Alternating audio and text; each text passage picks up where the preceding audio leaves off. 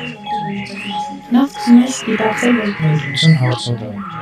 ամենալավ երեխաների ունենա։ բավի ինձ շատ հետաքրքիր։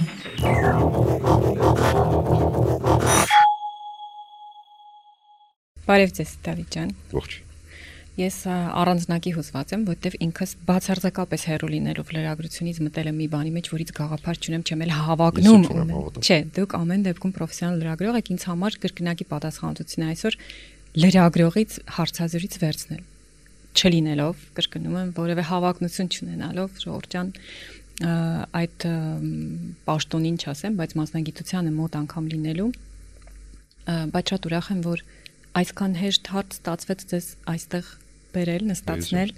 բայց այսօր դուք այստեղ եք հատկապես որպես Լունայի եւ Սիենայի հայր, զույգ աղջիկների։ ամենաառաջինը դա է, հետո նոր լրագրողի իհարկե։ Այո, այսօր որ հաստատ։ Ինչ ասել է զույգերի ծնող լինել։ Այն, ինչ դուք պատկերացնում եք, երբ իմացաք, որ զույգ եք ունենալու եւ այն ինչ իրականությունն է։ Ինչքանով դրանք իրարից տարբեր ստացվեցին։ Նախ սկսենք դրանից, որ այնպես չի, որ ես միջև հիմա իմ ծնողի կոչումը ամբողջությամբ գիտակցել եմ, որովհետև ա երբ որ կինս հղի էր, դա մի զգացողություն էր։ Երբ որ բարիկները ծնվեցին, դա բացարձակապես այլ զգացողություն էր եւ ես կարծում եմ սկսել եմ ինձ ծնող զգալ այն ժամանակ, երբ որ բարիկները սկսել են իմ հետ ընկերություն անել։ Ես 5 տարեկան եմ, բոլորին վերջերս 5 տարեկան լրացել աղջիկներից, ես նոր եմ հասկանում, որ ես ծնող ու ասել, որ ես առաջին իսկ պահից գիտակցել եմ, թե ինչ չէ, չեմ գիտակցել ինչ պատասխանատվություն։ Այո, մոկենոջս հետ մեկ-մեկ կատակում ենք, ես բացի կուրս տալուց ամեն ինչ արել եմ բալիկների համար, Ինչի դեպ շատ զարմանալի է, մենք որ կարդում էինք ուսումնասիրում էինք ձեր հարցազրույցները, ձեր կնոջ խոսքը ձեր մասին, դա ուղղակի փշակաղեցնող է, որ կարելի է զույգ աղջկան թողնել հոր մոտ եւ նա արտակարգ է մաքսիմում նրան, որ մեկ-մեկ շփոթել եք երկու անգամ եք կերակրեն նույնին, բայց դրանից զատ ժամերով կարողանալ նորածին երեխեքին զույգերին պահել ու բոլոր հմտություններին տիրապետել, դա իսկապես թանկ արժի։ հա, բայց այստեղ միմյանց օգնելու շատ հստակ խնդիր է դրված, ինչու որովհետև ինչպես իմ համար էր նոր, այնպես էլ կնոջս համար էր նոր։ Ես հիշում եմ առաջին պատմությունը, երբ բալիկները շատ փոքր էին եւ նրանց ամեն նոր պիտի լողացնեինք, ամբողջ ընտանիքը մեծերով տենց ա, մտանք լոգասենյակ, հատուկ այդ վաննան դրված էր բալիկներին լողացնելու, ու սենց տատիկներն են նայում ինձ, կինս է նայում ինձ,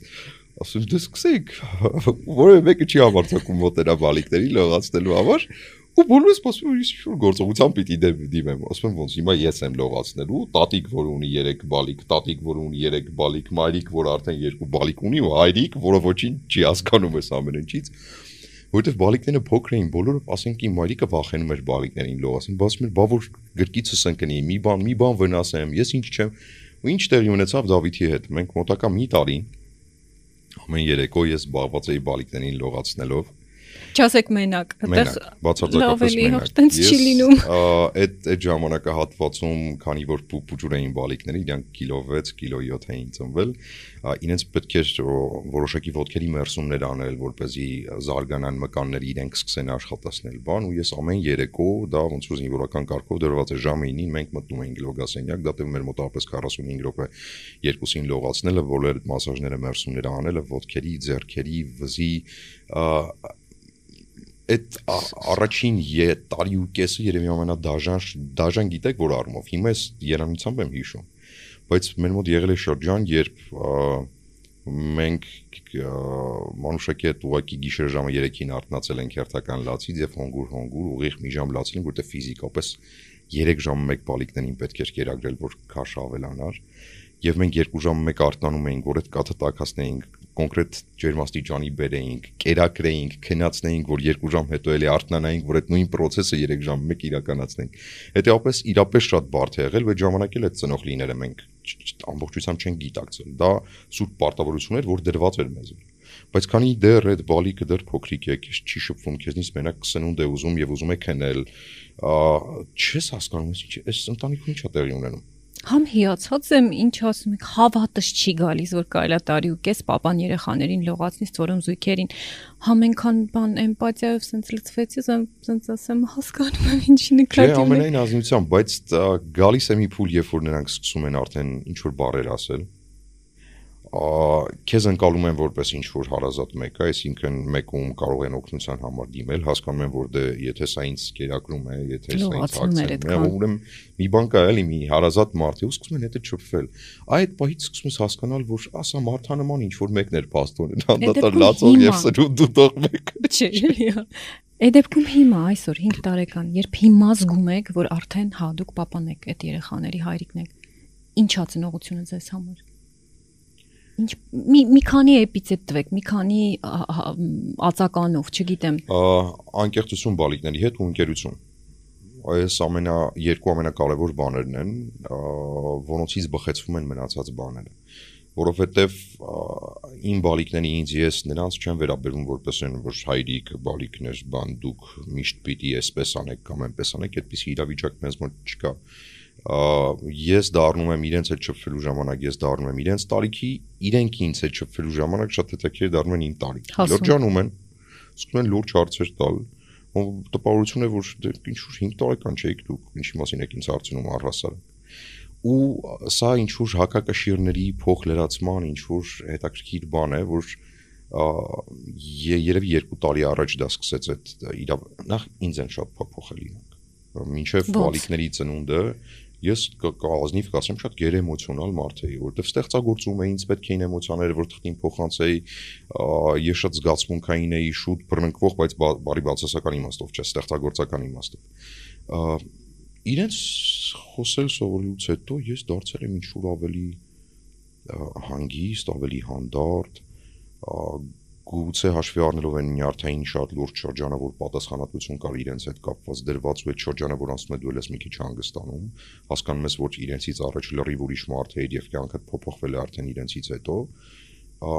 իրենք ինձ ահագին ավելի շուտ իրենք են ինձ հիմա դասարակում, քան ես իրենց։ Ամենայն ազնվությամբ, որովհետեւ կան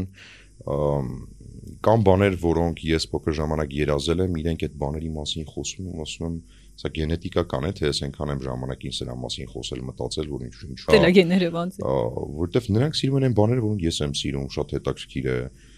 Նույն գաղափարներ ունեն էմոցիոնալ տեսանկյունից, որոնք ես ունեմ։ Սա արդեն մի քիչ նստածնում է, մեծացնում է, էլի մեծացնում է դա այդ փոքրիկ բալիկի ձևաչափից 28 տարեկան փոքրիկ բալիկի ձևաչափից մեծանում դառնում է 32 տարեկան ձյաձը Deep Parenting-ը ոդքաստ է ստեղծված ծնողի դպրոցի կողմից, ըստ որում մենք դա արեցին գիտակցաբար, որովհետև հասանք մի փուլի, երբ մեր համայնքը կարիք ուներ շատ ավելի խորը գիտելիքի, քան պարզապես համագործակցություն երեխաների հետ, հույզերին տեղ տալը, պատժել չպատժելու մշտական դիլեման եւ այլն։ Ոդքասթի բոլոր ծախսերը հիմնականում հոգում է Parenting School Armenian, ծախսերը փոքր չեն, եւ մենք շատ շնորհակալ կլինենք ամեն տեսակ աջակցության համար։ Նախ եւ առաջ ֆինանսական փոքր ներդրում մեր ամենամսյա թողարկումների մեջ, դա կարող եք անել parenting.am կայքում շատ բարձ ու հեշտ միջոցով, վերջացրած ուղակի տարածելով, սրտիկելով ձեր ծանոթներին ուղարկելով եւ ակտիվությունը մեր YouTube-յան եւ նաեւ ոդկասթային բոլոր հարթակներում, որտեղ մենք արկա ենք, այդ ակտիվությունը բարձր պահելով։ Հիշեցնում ենք, որ Deep Parenting-ի հիմնական հարթակը YouTube-ն է, Parenting School Armenia Edge-ով, ինչպես նաև ոդքասթային բոլոր հարթակները՝ Google Podcasts, Apple Podcasts, Spotify եւ մնացած ամեն ինչ, ինչ ձեր մտքով անցնի։ Մենք շնորհակալ ենք, որ բաժանորդագրվում եք, լայքում եք, կոմենտում եք, դա ձեր համար փոքրիկ բան է, իսկ մեր համար անգին աջակցություն ոդքասթի երկարատև կյանքի համար։ Հետաքրքիր է շատ այդ այդ խոստովանությունը, նախ խոստովանությունը, որ իրենց հետ մեծանում ենք, որովհետև հա միշտ չի որ մենք գիտենք ու դες դեմք ենք ամեն ինչ գիտենք, դե մենք ծնողն ենք, չէ իրանք մեզ են փոխում, մենք իրանք, սա շատ երկուստեք process է, չէ։ Ոչ, չէ, դա իրենց տված դա իրենց դաստիարակությունը հիմնարար դաստիարակություն իմ տպած չեմ կարող ասել ինչքան հիմնարարել է որովհետև այդ բալիկների տարիների ընթացքում փոխվելու են ու իրենք ընթերցելով, դիտելով, լսելով ինչ որ բաներ, սեփական սեփական մոտեցումն են ունենալու այս այս կամ այն բանին։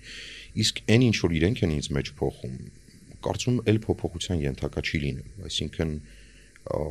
շատ ֆունդամենտալ բան են։ Բայց լավ է։ Ֆանտաստիկ։ Աներևակայելի ֆանտաստիկ, որովհետև կրկնում եմ, նույն մարդ չես կարող քեզ համարել բալիկների ծնվելուց առաջ ու հետո, որովհետև դու այդ բարդությունների միջով չէիր անցել։ Օրինակ, տեսեք, անգամ կնոջ եւ ծնողի նկատմամբ պատասխանատվությունը զգում ես, այն պատասխանատվությունը չի, ինչ զգում ես իրենց նկատմամբ։ որովհետև այն ինչ դու ներդնես այդ բալիկի մեջ, հետագայում կամ հրեշավոր մի բան է դառնալու, կամ հրաշալի մի բան է դառնալու։ Ինչ եք ներդնում Դավիթ ջան ձեր երեխաների մեջ։ Ա, այստեղ մի քիչ նացիոնալիստական մի քիչ վերաբերմունք կարող է լինել։ Ես դրան էլ դեմ չեմ անգամ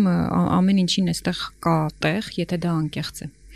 Նկատի ունեմ, կա այդ գիտակցվածությունը, որ օքեյ, ես մարդ եմ լույս աշխարհ բերել, սրանք տոտալ իմ պատասխանության ներքո են, կդառնան կամ ոնց դուք ասցիք հրեշ կամ հրեշտակ, կամ սև կամ սպիտակ, ուծե կամ լավ, կամ ոչ այդքան, եւ ինչ պիտի ես այսօր արդեն իսկ ներդնեմ իրենց մեջ, որ իրենք դառնան երջանիկ, կայուն եւ իհարկե լավը կա այդ գիտակցումը դուք ունեք հստակ sense խրած սեպեր որ այս սա սա եւ սա պիտի փորձեմ ներդնեմ իրենց մեջ Հաստատ մի բան կա, որ չեմ ուզում հիմիկվանից ներդնել, եւ դա մայրություն անելն է։ Այսինքն ազնիվ կասեմ հուսամ մեր դայակնային ինձնից շատ չի նեղանա, մի անգամ ինքը տենց ը, խաղալիք բերեց, ուրեմն բալիկներ էին, փոքրիկ բալիկներ էին իրենց ատրիբուտիկայով, չգիտեմ, չգիտեմ, ինչ պամպերսներով եւ այլններով եւ այլններով բալիկները 4 տարեկան էին, ու իրենք սկսեցին մայրիկ բալիկ խաղալ ես ցավով էի նայում դրան, որովհետև ես չէի ուզում, որ 4 տարեկանից իմ բալիկները մայրիկ բալիկ տրամաբանության մեջ աճեն։ ինչ վտանգ կար դրա մեջ? Վտանգ չկա դրա մեջ։ Դու 4 տարեկանից պատասխանատվություն ես ներդնում հետագայում քո մայրիկ դառնալու հետ կապված այդ բալիկի մեջ, էլի։ Այսինքն ես դրան դեմ չեմ։ Բայց այդ տարիքում ծնողավարությունը չի որ բալիկը միանգամից պիտի սկսի ընկալել։ բնականաբար բայց ինքը տեսնում է այդ ծնողավարությունը ամեն օր երևի այդ խաղն էլ է բնական Գուցե, բայց եթե այդ խաղալիքը չնվիրային, ինքը այդ խաղով չէր զբաղվում։ կարծում եք Այսինքն դա ուղղորդում է իրականում։ Ես կուզենամ նախ եւ առաջ նրանք լինեն, քիչ առաջ էլ էինք դրա մասին խոսում, նախ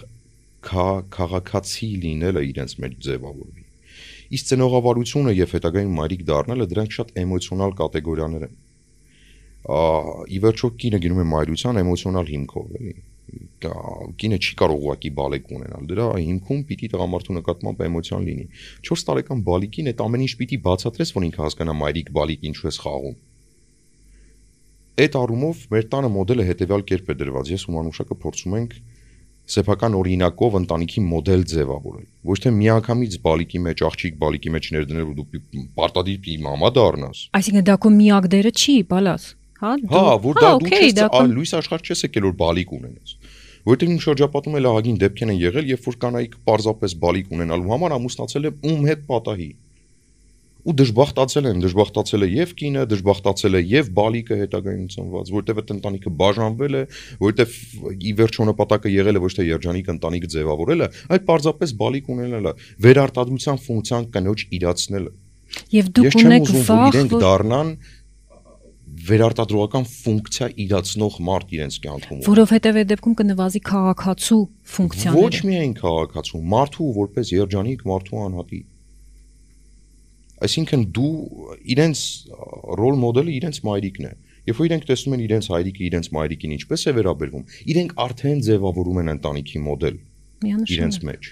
Եթե ես իմ կնոջը վերաբերվեմ վատ, իհարկե այդ ընտանիքի մոդելը իրենց համար ան- անկալելի, անընդունելի մի բան է լինելու։ Իսկ եթե վերաբերմունքը լավն է եւ իրենք դա տեսնում են ամենօրյա ռեժիմով, այդ ընտանիքի սիրված կին լինելու, ընտանիքի սիրված մայր լինելու ցանկությունը ինքնստինքյան է առաջանում, այսինքն ուղղորդել բալիկին, իսկ սկզբանե այդ տիկնիկներով եւ այլններով պարտադրել ասել դու մայրիկ ես դառնալու, դու պիտի դեն չէ, էլի։ Ժողովուրդ, թողեք այդ բալիկը բնական գա հասնի դրան, որտեվ կինը բնական զարգացման ճանապարհ է անցնում։ Թողեք թող բնական, որովհետև այն աղջիկները, որոնք փոքր ժամանակ տիկնիկներով չեն խաղացել, այնպես չի որ չեն ուզում հետագայում բալիկ ունենալ, էլի։ Խոսքը ոչ թե նրա մասին, որ ես ուզում եմ արգելել կամ արգելափակել այդ ճանապարհը, ես ուզում եմ, որ այդ զարգացումը լինի ընտանիքի որպես բջջի առողջ զարգացման, այսինքն ռոլ մոդելի վիճակով։ Ես տեսնում եմ, որ կա հայրիկ եւ մայրիկ։ Նրանք իրենց սիրում են։ Այդ սիրուց ենք մենք այս տանս այսպես վազվզում, եթե այդպես է, ուրեմն մենք էլ ենք այդպես ուզում բնական զարգացում պիտի լինի։ տղամարդկանց պարագայում էլ ասենք շատ դեպքերում մենք խաղալիքը անչափ կարևոր նշանակություն ունի էլի ամենայն ազնվությամբ։ Դու տղային նվիրում ես զենք, Վարդեն ներդնում ես իր մեջ ինչ որ կոդ, որ ինքը հետագայում դրա հետ փոխկապակցված ինչ որ բան պիտի ունենա ա չգիտեմ դուստրերի նվիրում ես անդադար տեխնիկ մցնում ես այդ բարբիոտ տրամաբանության մեջ այդ տեխնիկը ձևավորում է այդ մարդուն չէ ի վերջո ամեն օր ինքը այդ տեխնիկի հետ է խաղում խաղալիք նվիրելն էլ անչափ կարևոր պիտի լինի հետեւապես մինչև որևէ տարիք այսինքն առաջին երկրորդ երրորդ դասարան գնալը իմ իմ մտածմամբ բալիկը նախ եւ առաջ տրամաբանական խաղերով պիտի զբաղվի։ Այսինքն տրամաբանական խաղեր պիտի ունենա որպես մարդ ձևավորվի, սկսի տրամաբանել, հետո ուրանցնի այն մնացած բաներին, որոնք կյանքի ընթացքում էսպես տեսնում են։ Ասենք չի կարող էլի դուստրը հետագայում չհասկանա, որ ինքը կին է։ Այդպես չի լինում։ Այսինքն դուք դեմ եք սերով պայմանավորված ինչ որ շատ դոգմատիկ կտրուկ բաժանումներ, այ դուք եթե աղջիկ ես ծնվել, դու պիտի անպայման մամա դառնաս, ուրիշ բանի մասին մի մտածիր։ Եթե դու տղա ես, արքես զենք, վсё, այսօրվանից պատրաստիր, որ դու պիտի գնաս, կռվես, պաշտպանես եւ այլ մնացածի հետ առանձնապես գործ չունես, այլ տալ իրենց հնարավորություն զարգանալ աուտենտիկ բնական միջավայրում, դե մնացածն էլ բնականաբար շատ կարևոր բան ասացիք, այդ role model-ն այսինքն եթե իմ հայրս մայրս էսպես են վարվում, իրանք երջանիկ են դրանից, ես էլ էսպես մեծ հավանականությամբ կվարվեմ ու դրանից էլ կքաղեմ իմ երջանկությունը։ Հիմա այստեղ շատ ծայրահեղ վերաբերվում կա, երբ որ ասում ես օրինակ այդ սահմանը պետք չի դնել։ Միանգամից ուրիշ բանի ուղղությամբ են գնում։ Հա, հիմա ամեն ինչն է ծայրահեղական։ Երբ որ ասում ես, որ ես չեմ ուզում կոնկրետ երեք բալիկը, չգիտեմ, տիկնիկներով խաղա, հա, ուրեմն դու հետագայում բան ես իրան ընտրության հնարավոր ոչ, ընտրության հնարավորության խնդիր չկա։ Գերի ենք դարձել այդ ինֆորմացիոն հոսքերի ու ուղղակի չի ուզենա խորանալ այդտեղ հետեւապես շատ շատ կարևոր է էլի այդ այդ ընտրության իրավունքները իր բալիկների բaragայում շատ կարևոր։ Մենք շատ դեպքերում մեր բալիկների առաջ թվացial ընտրության հնարավորություն ենք դնում։ Բալիկին ասում ենք կամ դու կգնաս քնելու, կամ կամ դու հաց կուտես, կամ դու մուլտֆիլմ կնայես։ Կարծես թե ընտրություն կա, կամ ֆիլմ, մուլտֆիլմ նայել, կամ հաց ուտել, կամ գնալ քնել, չգիտեմ։ Բայց դու իրականում սահմանափակում ես այդ երեխային երկու ընտրության միջև, այսինքն ինքը իրականում ընտրություն չունի։ Ընտրությունը դու նախապես ֆիլտրել ես, կատարել ես, ստերիլիզացրել ես, հետո տվել ես բալիկիդ, որ ինքը իբրև պատրանք ստեղծես, որ ինքը ընտրության հնարավորություն եւ իրավունք ունի։ Այստեղ էլ անչափ կարևոր բաներ կան, որ չգիտեմ էլի։ Բա ո՞նց տանք ընտրություն որտեվ ընտրության մենք ծնողավարության մեջ, մեր ծնողի դպրոցում միշտ ասում ենք տվեք ընտրության հնարավորություն, որտեվ եթե մանկուց չես տալիս ընտրության հնարավորություն, մեծ հասակում պատասխանատու մարդ չես կարող, դու չես կարող 16 տարեկանում իրան զարթնացնել, ասել այսօրվանից դու պետք է լինես պատասխանատու մարդ, եթե դու մինչև այդ իրան չես տվել այդ պատասխանատվությունը, ընտրությունը պատասխանատվության մասին է։ Ընտրի, որտեվ ինչ ընտրեցիր, դու դրա պատասխանատուն ես։ Բայց եթե երկուսը չտանք կամ գոնե երեքը չտանք, բա ո՞նց այդ ընտրությունը տանք։ Չէ որ իրան պետք են այդ սահմանները, ինքը պիտի իմանա այդ այդ ամեն ինչը։ Դու գիտելիք վստահ եղիր, որ դու գիտելիքը տվել ես, միջավայրում կենսագործելու հմտությունը տվել ես, թող ինքը իր պատասխանատվության շրջանակներում այդ ընտրությունը կատարի։ Չի ուզում գնա քնելու։ Հիմա պիտի իրան ինչ որ մի ձև դրթենք առանց բռնանալու, առանց կոպտելու, առանց ծեծելու։ Դրա դու տալիս ես հմտությունը, կամ գնում ես քնելու, կամ տալիս ես հմտությունը, բացատրում ես թե ինչու ես դու շուտ քնում։ Մենակ ես արտանում եմ առավոտյան ժամը 5-ին որտեվ առավոտյան ժամը 5-ին իմ օգգն շատ ավելի բարձր է, քան եթե ես կարտոնայի առավոտ ժամը 7-ին կամ 8-ին։ Երբ որ ժամը 5-ին բալիկներս գալիս են ինձ մոտ ասում են հայրիկ քնած չես, ոչ քնած չեմ։ Ինքը տեսնում է դա։ Հետո քեզ սկսում է հարցնել իսկ ինչու 5-ին ոչ թե 7-ին կամ 8-ին։ Ու դու սկսում ես բացատրել այդ մարդուն, որ ես ավելի էֆեկտիվ արդյունավետ եմ աշխատում ժամը 5-ից մինչև ժամը 9-ն ենք ժամանակահատվածում։ Մինչև ես դες կտանեմ մանկապարտեզ։ Մենք չենք շփվում։ Այսինքն մեր օրինակով խոսք ու զրույցով, անգամ ինչքան ես ասացա, ձեր տանը չկա այդ հարցը, բալիկ ջան, քնելու ժամն է, ինչի՞ չես գնում քնելու, որտեվ իրանք իրենք գիտեն, որ որտեվ ես էլ ամեն ինչ առավելագույն անում եմ, որ ամենաուշը 10-ին 10-ից որտեվ ժամը 5-ին պիտի վեր վեր կենամ գործ անում։ Մենք շփման մշակույթ սեփական բալիկների հետ չունենք, գիտեք, շատ դեպքերում օրինակ ընտրության տեսանկյունից ես ֆիլտրում եմ այն ինչ որ իրենք դիտում են հեռուստացույց կարող եմ իրավունք ունեմ եւ պետք է ֆիլտրեմ այո։ Այո, դա մեր դերն է։ Որովհետեւ համացանցում այնպիսի բաներ կարող ես տեսնել նախ իմ բալիկները 5 տարեկան են, իրենք մշակույթ չունեն հեռախոսով զբաղվելու։ Չունեն մշակույթ։ Իրենք չգիտեն ոնց վարվել հեռախոսի հետ որովհետև մենք մտնում ենք տուն, հեռախոսը դնում ենք մի կողմ եւ իրենց մոտ հեռախոսի մեջ անդադար չենք գտնվում։ Որ այդ բալիկների մոտ տպավորություն չստեղծվի, որ մեծ մարդը այն մարդն է, որ անդադար հեռախոսի մեջ։ Դե ուրեմն ես էլ իրանց նման եմ։ Տեսնում եք բոլոր բալիկների ձեռքին այդ սմարթֆոններն են, որովհետև հեշտ է էլի սմարթֆոնը տվեցիր բալիկին ես զբաղվելու խնդիր չուներ։ Հետնել կուտի կշեղվի կերակ։ Ուտելն է մեծ խնդիր։ Այդ բալիկը այդ սմարթֆոնով ուտելու ժամանակ հետո ստամոքսի այնպիսի խնդիրներ է ունենում այդ մեծ մեծ շատ բազմաթիվ։ բայց անգամ այս առումով չկա ուսումնասիրություն, ու ծնողը ասում է լավ, ես տվեցի առանց ծամել այդ սնունդը կուլ տվեց։ Հետո այս երեխու մոտ որ խնդիր առաջանում, ով է դրա պատասխանատուն լինելու 30 տարեկան։ Իսկ ես բալիկներից ասում եմ, ինչպես իմ քերին էր ժամանակին ինձ ասում։ Ասում էր, «Еду надо тщательно разжевывать»։ Ասում էի, «Քեր, ինչ է նշանակում тщательно разжевывать»։ Ասում էր, «Առնվազն պինդ սնունդը 33 անգամ պիտի ծամես, թույլ սնունդը 15-ից 20 անգամ»։ Ես հիմա 5 տարեկան բալիկից ասում եմ Լունա սինա իդու նադե չետիլ ռաժովոց Ասում եմ ինչի բայց ես դե առանց էտել եմ գուլ տալի ու նորմալ ամ ինչս եմ ոչ որտեվ հետո ստամոքսը կցավա իզի թե ստամոքսը ցավա մենք չենք կարողանա գն դուրս խաղալու եթե չխաղանք դրսում դու չես հոգնի լավ չես քնի չենք խոսում մենք այդ բալիկների հետ, վերջում ասում ենք հասարակությունը ինչի ասենց անհաղոտ, որտեվ երբեք չես շփվել այդ բալիկի հետ, ամենապարզունակ թեմաներով անգամ դու ինչ ակնկալիք ունես այդ բալիկի Ժամանակին օրինակ շատ եմ կարդացել էլի առավել եւս բալիկների ծնվելուց հետո ասում էի ինչպես հասցնեմ այս բալիկներին են ինչ որ ես պատկերացնում եմ նստում էի համացանցում կարդում էի կա կա նա դա ապրեշացես իսկ ինչպես է պետք վարվել բալիկների հետ որպեսզի նրանք քեզնից ոչ թե վախենան այլ ընդունեն խոսքը ու մի հոդված կարդացի որտեղ ասում է թե ուզում ես բալիկը բալիկի համար վստահելի լինես ոչ թե սարսափելի պիտի աչքերիդ հայացքդ իր հայացքի մակարդակին լինի աչքերին հավես ասացի լավ որտեվ դրանից առաջ ես ինչ է 1.75 է հասակս բալիկներս մի մետր ու ինքը անդադար քեզ էսպես է նայում դու ինչ որ պատկերացրեք դուք հիմա Շատ ճիշտ հետաքրքիր կարևոր ու բան եք ասում։ Պատկերացրեք հիմա դուք ամեն օր շփվում եք, ամեն օր, օրվա մեծ մասը շփում եք ինչ-որ մեկի հետ ու իրան պիտի այսպես նայեք, ինչքան դաժան է, չէ՞։ Դա, դա, դա հսկայի վախ է արդեն ստեղծում, չէ՞, ֆիզիկական ամեն դեպքում ըմբռնում, անցալում է մարդու, եթե ինչ-որ մեկը շատ բարձր է, արդեն ավտոմատ դու կճված ես, դու ցածր ես, դու փոքր ես։ Բայց դու էսպես ես նայում ու դրանից Ու այդ օրվանից ինչ եք անում։ Ես բծենքի եմ գալիս, որ հավասարում եմ հայացներով մակարդակներով Դրանից հետո վալիկների վերաբերմունքն է փոխվել ասածս խոսքի նկատմամբ։ Իրենք վախով դրան չեն վերաբերվում, իրենք դրան դրան վերաբերվում են անցալումով։ Որովհետև այս մարդը շատ բարձր չի, ինքը ինձ հավասար է նայում, ես խնդիր չունեմ վիզս ցավացնելու, այդքան մեծ չի,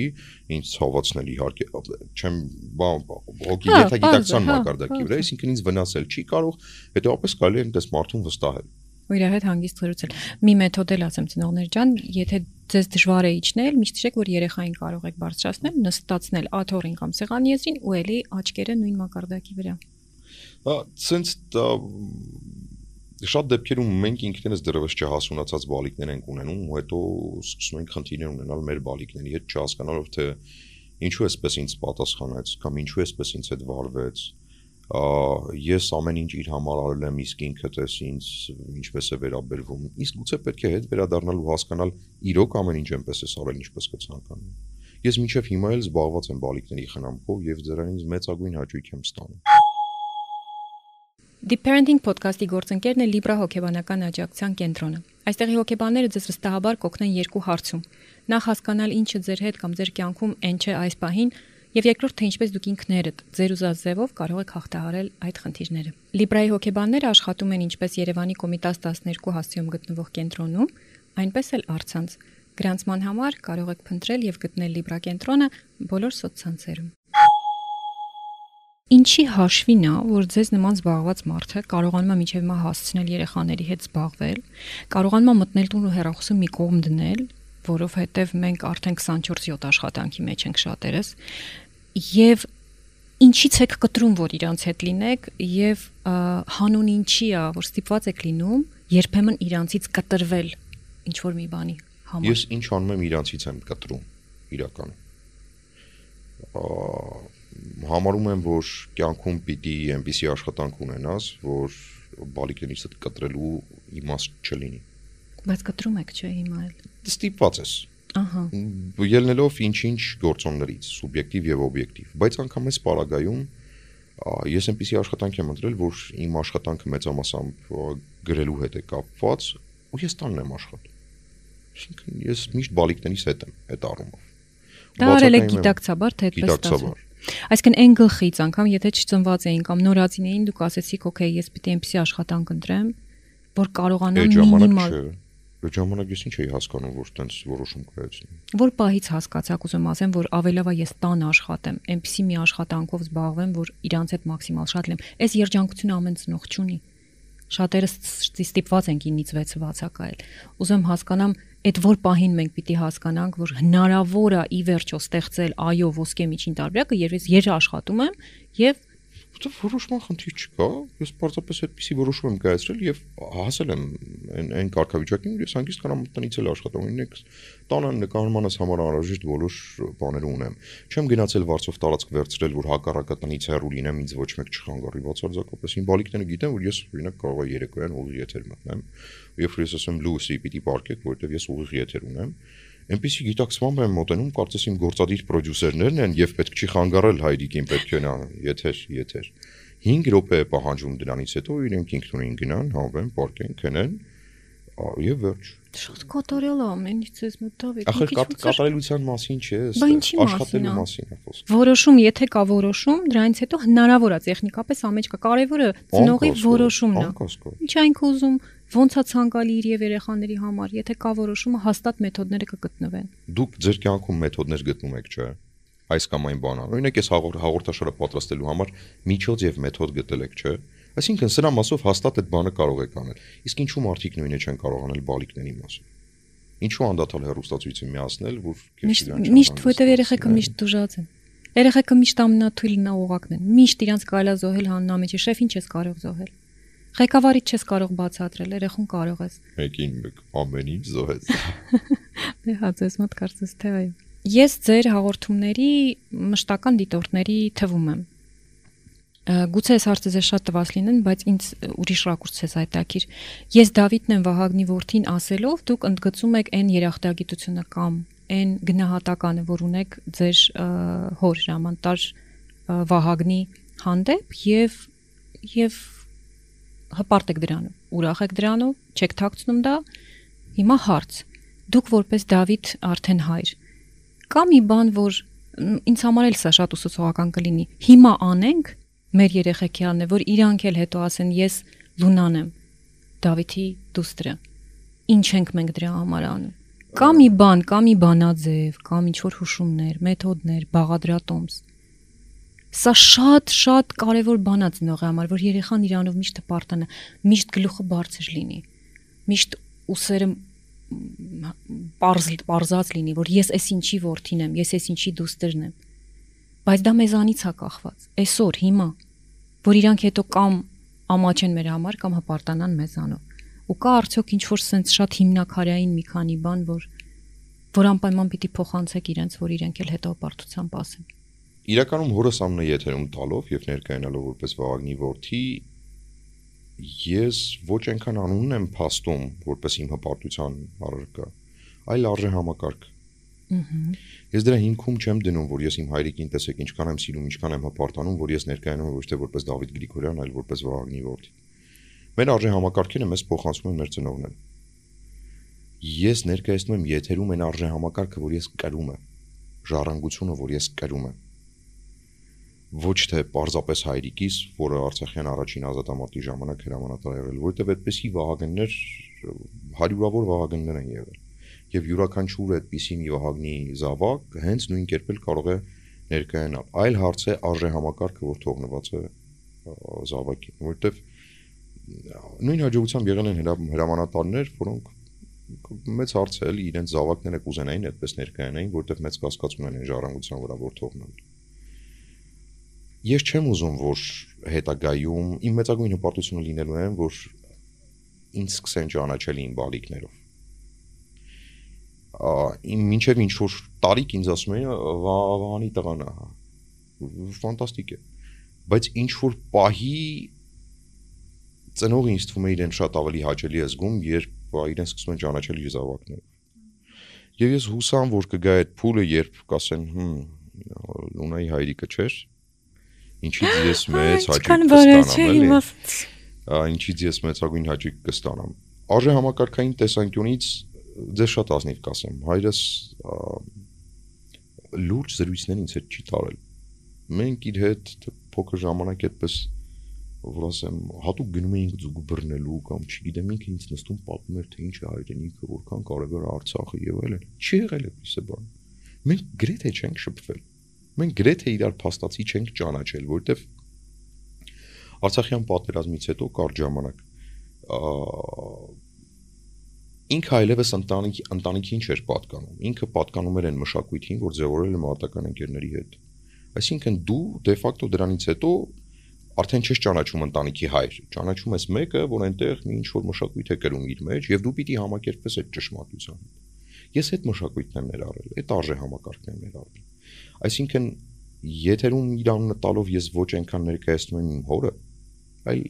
մշակույթը, արժե համակարգը, համակարգը, որ ինքը իր ընկերների հետ փորձել է ձևավորել։ Ես այդ մշակույթն եմ փոխանցում հերոստատի։ այսպես մանրամասն իհարկե ամեն եթերի ժամանակ չես կարող ասել թե ինքս։ Շնորհակալ եմ շատ ամեն դեպքում անկեղծ ձեր ու անկեղծությունը այդտեղ շատ խորքային է։ Իսկ դուք այդ արժե համակարգը ո՞նց եք երեխեքին փոխանցում։ Ձեր արժե համակարգը Դա ամենօրյա աշխատանք է, դա չես կարող մի օր նստել ծրագրել, պլանավորել ու վաղվանից ասել ես սկսում եմ արժե համակարգը, դա նոնսենս է բա այդ ամենօրյա որ փոքր ու հետևողական քայլերի միջոցով է որ պետք է երեխաներին փոխանցել արժամակարգ սա հիմա Դավիթ ջան վստահ եմ կհամաձայնեք ամենակարևոր թեման է որտեվ եթե ուզում ենք ազգապրկությամբ զբաղվել պետք է սկսել ընտանիքից պետք է սկսել այդ երեխաներից իրանց նկատմամբ հարգանք ցուսաբերելով իր սեփական անձի հանդեպ հարգանքն ու արժանապատվությունը պահելով ու մի ամբողջ շարք ու իրականում այս այս ոդկասթին նպատակն էլ դա է, հա, փորձել օգնել ծնողներին ընտանիքում ճիշտ հիմքեր դնել, որ վաղ մյուսօր այդ երեխեքը ճիշտ ղեկավարներ լինեն այս երկրի։ Հիմա այդ որ ամենօրյա գործողությունների միջոցով է Դավիթ Գրիգորյանը փոխանցում իր երեխաներին այն արժե համակարգը, որի կրողը ինքն է։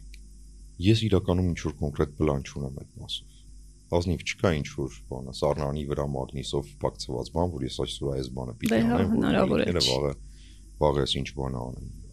Վարկս է, որով փորձում եմ ամեն կերպ ցույց տալ, որ այսպեսին լինելը որպես մարդ ավելի լավ է, քան այսպեսին լինելը, որովհետև շատ դեպքերում երբ որ շատ հոգնած եմ անգամ լինում ու գիտեմ որ չեմ կարող անգամ երկու էջ կարդալ, թեպետ այդ պահման եմ գալիս օրվա վերջում որ գոնե երկու էջ մի բան կարդամ։ Ես ուղղակի կարող եմ գիրքը դիմացս բացել դնել, անջատված նայել գրքին, բայց պարզապես սովորեցնել Վալիկին, որ այս մարդը ամեն երեկո այս բանը բացում դնում է դիմաց ինչ որ կամ բարձր է կարդում կամ մտքում է կարդում, ինչու է կարդում, իրեն ինչին է պետք, եթե մեծ է, խելացի է, ուրեմն կարդում է պետքա կամ մի բան է իր համար։ Նման բաներով եմ փորձում այդ արժե համակարգը փոխանցել։ Հետո երբ որ ինչ որ բան կարդում եմ ու շատ օրինակ զգացված եմ լինում, մասնավորապես հայկականի եւ Հայաստանի հետ կապված, միշտ իրենց հետ կիսվում եմ փորձում ասել, այ գիտես նոր ինչ էի կարդում ինչ ես կարդում շատ գիտեմ որ շատ բան կարող է չհասկանալ օրինակ ասում ես դու գիտես որ դու Մանհեթենյան ծրագրի ամերիկյան միջուկային ծրագրի հիմնադիրներից երեքը հայեր էին բան ու sense սկսում են պատմել ինքը շատ դեպքերում չի հասկանում բայց անդադար այդ հայ հայ հայ ասելով ինչ որ փուլում ինքը հասկանում նախ երբ գնում ենք հանգստանալու ինչ որտեղ ծով կլինի, արտերկիր կլինի, էական նշանակություն չունի։ Ես այդ ամբողջ ընթացքում հիշեցնում եմ, որ մենք օտար տեղ ենք գտնում ու քարտեզի վրա անդադար ցույց են տալի, ասում եմ, տես սա Հայաստանն է, այս փոքրիկ Հայաստանը, մենք ինքնաթիռային նստել եկել ենք այստեղ։ Ինքը պիտի իմանա թե որտեղ է իր արեալը։ Արմատը։ Այդ արեալի մեջ պիտի ինքը իրան կոմֆորտ զգա։ Ու մենք էլ փորձում ենք այդ կոմֆորտը ինքներս ձևավորել, ցույց տալ, որ Հայաստանը կոմֆորտ է, Սա դիսկոմֆորտ պետություն չէ, որովհետև շատ ծնողներ փոքր տարիքից իրենց բալիկների մոտ սկսում են խոսալ, որ սա երկիր չէ, որ սա երկիր չի դառնալու։ Պետք է այստեղից փախնել։ Այստեղ զարմանալ, հա, փախնել ու ամենը հիմքում դնում են կամ Ռուսաստան թռնելը կամ Ամերիկայի Միացյալ Նահանգներ թռնելը կամ Ֆրանսիա թռնելը ավելի լավ է այնտեղ, չգիտեմ, փախստականի կարգավիճակով ապրել, քան նորմալ աշխատանք ունենալ Հայաստանում։ Ես բալիկները փոքր ժամանակվանից ասում են ես ինչ մեծացել եմ, լսել եմ կամ Ամերիկա կամ Ռուսաստան։ Դե գնացի այնտեղ ասֆալտ փռել ասել կուզեմ սրան ինչ որ մեծ պլան չկա օրինակ մենք մի անկյուն ունենք իմ աշխատասենյակում որտեղ պապիկի նկարն է կախված մեծ Հայաստանի եւ Արցախի քարտեզն է հայրիկի իրենց պապիկի մեդալներն են կախված ու իրենք ամենական ներս մտնելուց պապիկի հետ շփվում են իրենք գիտեն որ դա իմ ամենասիրած անկյունն է եթե ինչ որ չգիտեմ մտորելու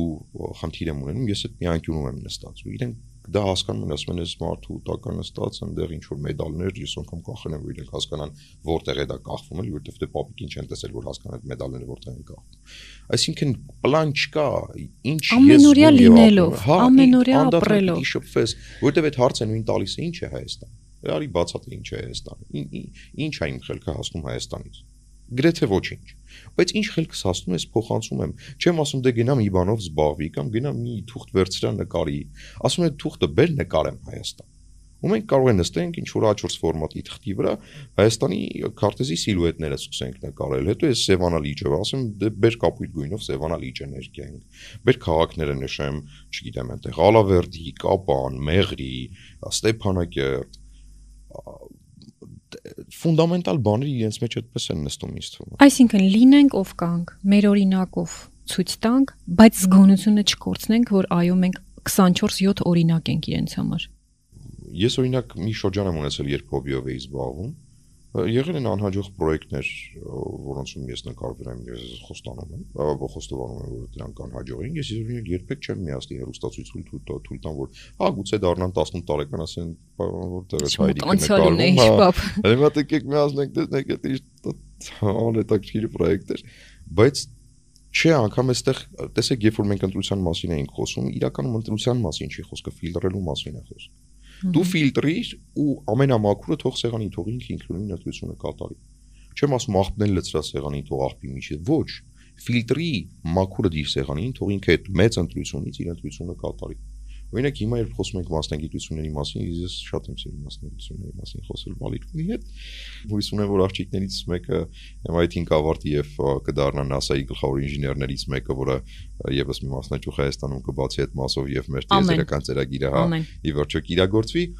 երբ սկսում ենք օրինակ լուսնի մասին խոսել, ես սկսում եմ պատմել թե ինչ հրթիռներ կան, ովքեր են հրթիռաշինության մեջ օրինակ Հայաստանում, այն այն երևելի հայերը, այ- այս հայ մարդ, այս բանն ա հորինել երեխեք, դուք դրա մասին իմացեք։ Ի վերջո մեր մեծագույն խնդիրի դեպ մեր կրթական ոլորտն էլ այդ առումով ահագին սուղ է եղել։ Ես պատկերացնում եմ, եթե լավ ուսուցիչ ունենայի ֆիզիկայի ուսուցիչ, շատ հավանական է որ ես լրագրող չդառնայի, այլ դառնայի ինչ որ շատ շատ շատ լավ ինչ որ լավ մասնագետ ֆիզիկոս, ինժեներ ռեական նշանակություն ունի կամ մաթեմատիկայից դասատուն եթե լավը լիներ, ես շատ եմ սիրում ճարտարապետությունը, ճարտարագիտությունը շատ հետաքրքրված եմ, շատ սիրողական մակարդակով ուսումնասիրում եմ։ Հետո եթե պատմությանս դասատուն լավ լիներ, ամենայն հավանականությամբ ես գուցե ընտրեի առհասարակ միջազգային հարաբերությունները, որտեվ մեծացել եմ, նոր եմ սկսել դրանցով հետաքրքրվել ավելի խորը։ Ես պատկերացնում եմ, եթե փոքր ժամանակ ինչ որ մեկը այդ լայն հնարավորությունը սպեկտրը տար, ինձ համար հետաքրքիր դարձներ քիմիայի դասերը, որից ես չգիտեմ ոչինչ քիմիայից։ Զրո եմ ես կատարել։ Այնինչ ամենա Հա, ամենա որովհետև- բանը հետաքրքիր Ամենա հետաքրքիրը պատկերացնում եք, գիրքը բացում էին դնում էին դիմաց, ասում էին կարդ հայ բալամ ջան, այստեղ ասում է որ կարդալ։ բանը խառնում ես նրան, այն բանը խառնում ես նրան, ինչ որ բանա տեղի ունում։ Ես դա եմ ուզում տեսնել։ Ու կնոջս հետ էինք խոսում, ասում եմ Իվան շակ ուզում եմ այտենց փոքր թեթև մեթև փորձեր անենք բանը խոհանոցի տավացքում, եթե դու դեմ չլես, որ մի բան տակ վառեք, հետո բալիկները այդպես չհասկանան մենակ մենան ինքնուրույն սկսեն անել, վախենում եմ դրանից։ Հիմա ես հիմա համացանցում ֆիլտրում եմ նենց բաներ, որոնք անվտանգ կլինեն։ Մենք արել ենք բալիկների շատ հետ, շատ հա։ հետաքրքիր արեք։ Մի քանի տարի իրանց տանում այդ թեմայի վրա։ ասում եմ դու ունես հանճար կարող ես բացել այդ բալիկի մեջ։ Է եթե այդ ընտրության մասին է խոսքը իմ համար լրիվ ընկալելի է, ես չեմ չեմ ուզում սահմանափակել բալիկներին։ Բայց այդ էմոցիաները, որոնք ապրում են, ունեք առաջին փորձը այդ պրիմիտիվ բան է, պարզունակ բան եմ ասում, երբ որ այդ մազերի փորձը, սանրի մազերի փորձը անում ենք, ասում եմ ֆանտաստիկ բան է, լսի, խելքս չեր աս։ Դու պատկերացնում եք ճավրի լուրջ բաներ անում։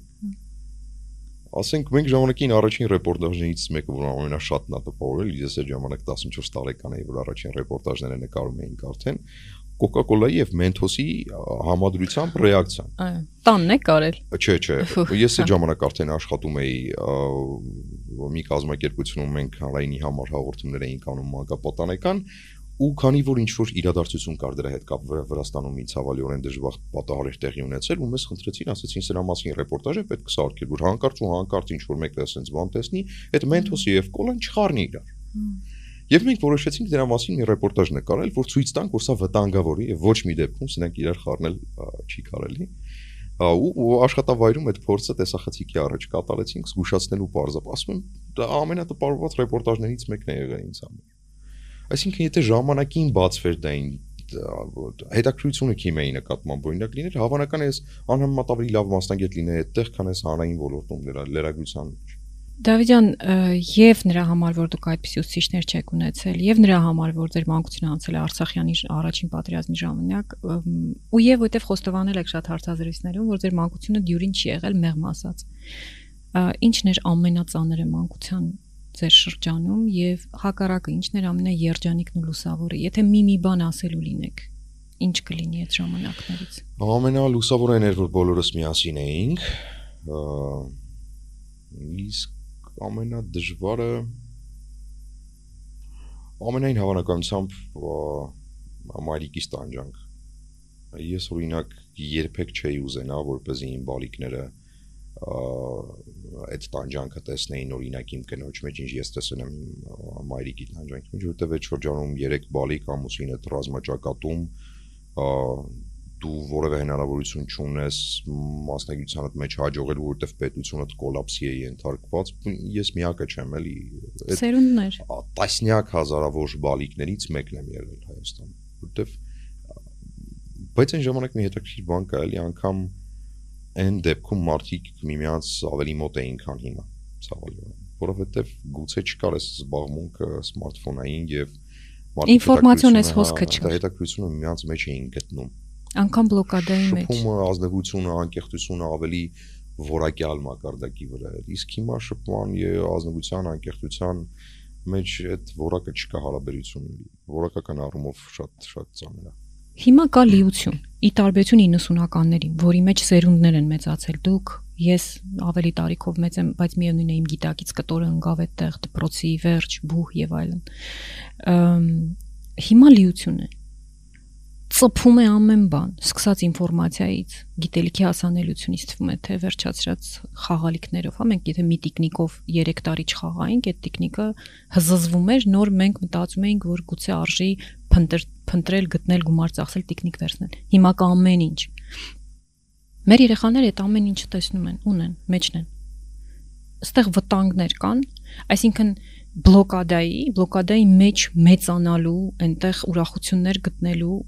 մի շապիկով բավարարվելու, մի տիկնիկով ու մեքենայով խաղալու եւ այսօրվա լիության ու ամեն ինչի հասանելիության մեջ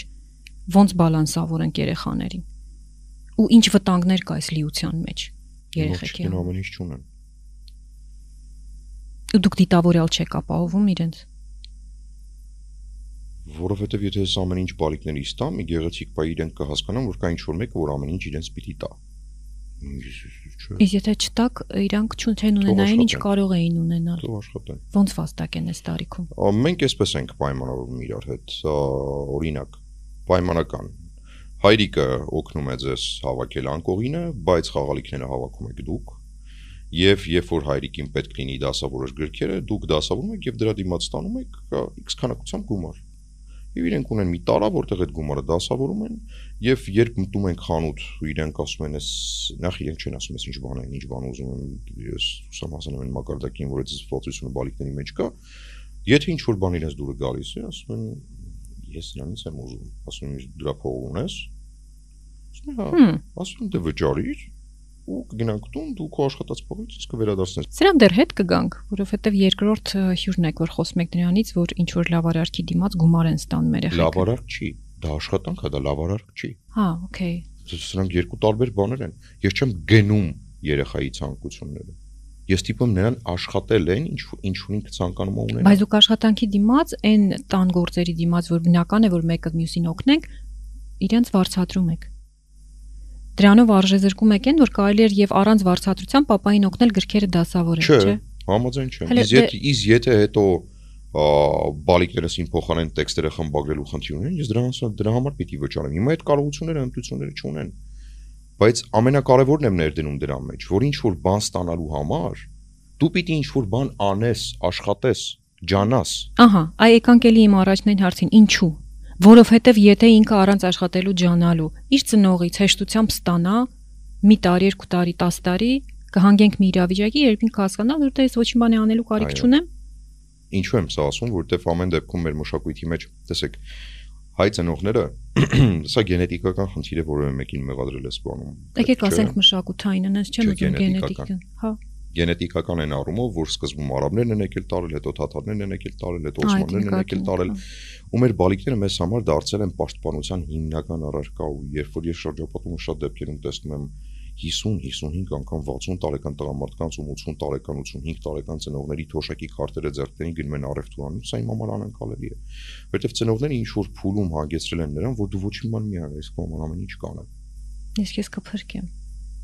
անverջ Ու կփրկեմ այդ անդադար փախցնել, փախցնել հիմա էլ շատ ընկերներ ունեմ, ասում են դե դե գնանք բանում Ավստրիային կապնենք, դե հեսա բանակի ժամանակն է գալիս։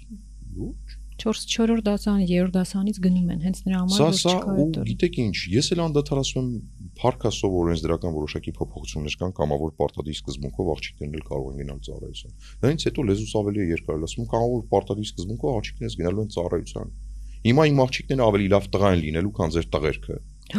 Օհ, այդ բաներ, ուդարնիրը պոեսը։ Բայց դա տրամաբանություն, ես որ իրապես տրամադրված եմ ու հիմիկվանից բալիկներից վերջում իրենք են էլի ընտրելու, իրենք կգնան կամ որ պարտադիր 6 ամիս ծառայելու ազգային բանակում թե չէ։ Բայց դե հիմա ճակատագրի վերումով ես երկու դուս եմ ուշտի երկու տղա։ Դավիթ, եթե տղա ունենայիք ու տա Աստված ունդ կունենաք, բնական է որ հաստատ չկանգնի այդ երկու դիստրիկտների վրա, նույն ձև կխոսեիք։ Պարտադիր։ Որտեվ ոնց ասեմ իմ ընտանիքի մշակույթն է այլ կերպ ես այլ կերպ չեմ ես ուրիշ ոք չեմ տեսել բա- պարզապես հասկանում եք այսինքն խորտ հարցեր եմ տալիս եղել։ համար։ Ա գուցե ես այլ ընտանիքում ծնվեի, ես այլ մարդ զարգանայի, ասեի չէ, դե ես էլ կփախցնեմ, բայց ես ուրիշ միջավայրս այլ է եղել։ Ես միշտ տեսել եմ այդ ֆիդայիններին, այդ խրոխտ բեղերով, զենքերով մարդկանց, որոնք հավաքվել են իրար գլուխ, սկսել են պատմել, թե ոնց էս ջոկատի հետ էս մի սարը գրավեցին, ոնց էս ջոկատով էս մյուս ձորից մաքրեցին սրանց։ Դա ինձ ձևավորել որպես մարդ։ Դրա համար եմ ես դա փոխանցում իմ բալիկներին։ Գուցե օրինակ լինեի միջին վիճակագրական ինչ որ այլ մասնագիտություն ունեցող մարդու զավակ լրիվ այլ վերաբերմունք ունենա։ Ձեր մասնագիտությունը որպես լրագրողի, հարցազրույցավարի, որպես մեկնաբանի, որպես հետազոտողի ինչ որ ձեւ օգնում է ծնող լինելու մեջ։ Հա, ագին։ Ո՞նց։ Ա դե նախ սկսենք դրանից որ բալիկների կնոջ սղիության ընթացքում երբ մենք ընդհուպ ինչև այդ մատրոսներ հայերեն ներողություն Ներքնակ։ ներքնակները հա։ ներքնակները գնելու խնդիր էր առաջացել այդ պահից սկսած ես արդեն մտածում եի լավ ինչ ներքնակ պիտի առնենք որ բալիկների անկողինների մեջ տեղավորենք այդ պահից սկսում ես Հետազոտել։ հետազոտել հա ինչ ծծակներ պիտի լինեն որ մաքուր լինեն ստերիլ լինեն որ որակը բարձր լինի հետո արդեն երբ որ կինս էր տրանսֆորմացվում ա ա, իդե ֆանտաստիկ շրջան է մի առանձին շրջան է բալիկներին ունենը մի առանձին շրջան է կնոջ հրույցան շրջան որովհետև կինը լրիվ ուրիշ մարդ է դառնում այդ ընթացքում Լավ թե վատ։ ֆանտաստիկ դա դա չգիտեմ անմարտկային ինչ որ բան է կանայք այդ այդ այդ ժամանակահատվածում իստում է իրենք մարդիկ չեն ինչ որ գերբնական էակներ են որոնք քայլում են աշխարհի երեսի վրա որովհետև նախ էներգետիկան որ իրենցից գալիս է լրիվ այլ է իրենք են լրիվ ամբողջությամբ փոփոխված չգիտեմ այդ բացատրելու բան չի եք այդ այդ մի ժամերով քանի կարող Հա, եմ այդ մի մի քանի ամիս էլ ասենք դա չգիտեմ այդ ինչ որ գեղեցիկ ոնց որ սիմֆոնիա լիներ մինչև բուն ծննդաբերությունը էլի մի խոսքով ինչ էի ասում Բայ, հա ապրեք։ ու այդ պահից սկսած երբ որ այդ տրանսֆորմացիաները տեսնում ես բայերում սկսում ես հետաքրքրվել լավ մի քիչ քարոպոսի է փորես կարող է ինչ որ բան կա պիտի գնանք բժշկի նստում ես ման ես գալի ասում ես եթե այսպես լինի ու կարդում ես որ բալիկը կարող է դիրքը փոխել ինքը կարող է ոտքերով օրինակ այդ հատվածում հենված լինեն ու մի քիչ քարոպոսի տեսք ունենա ու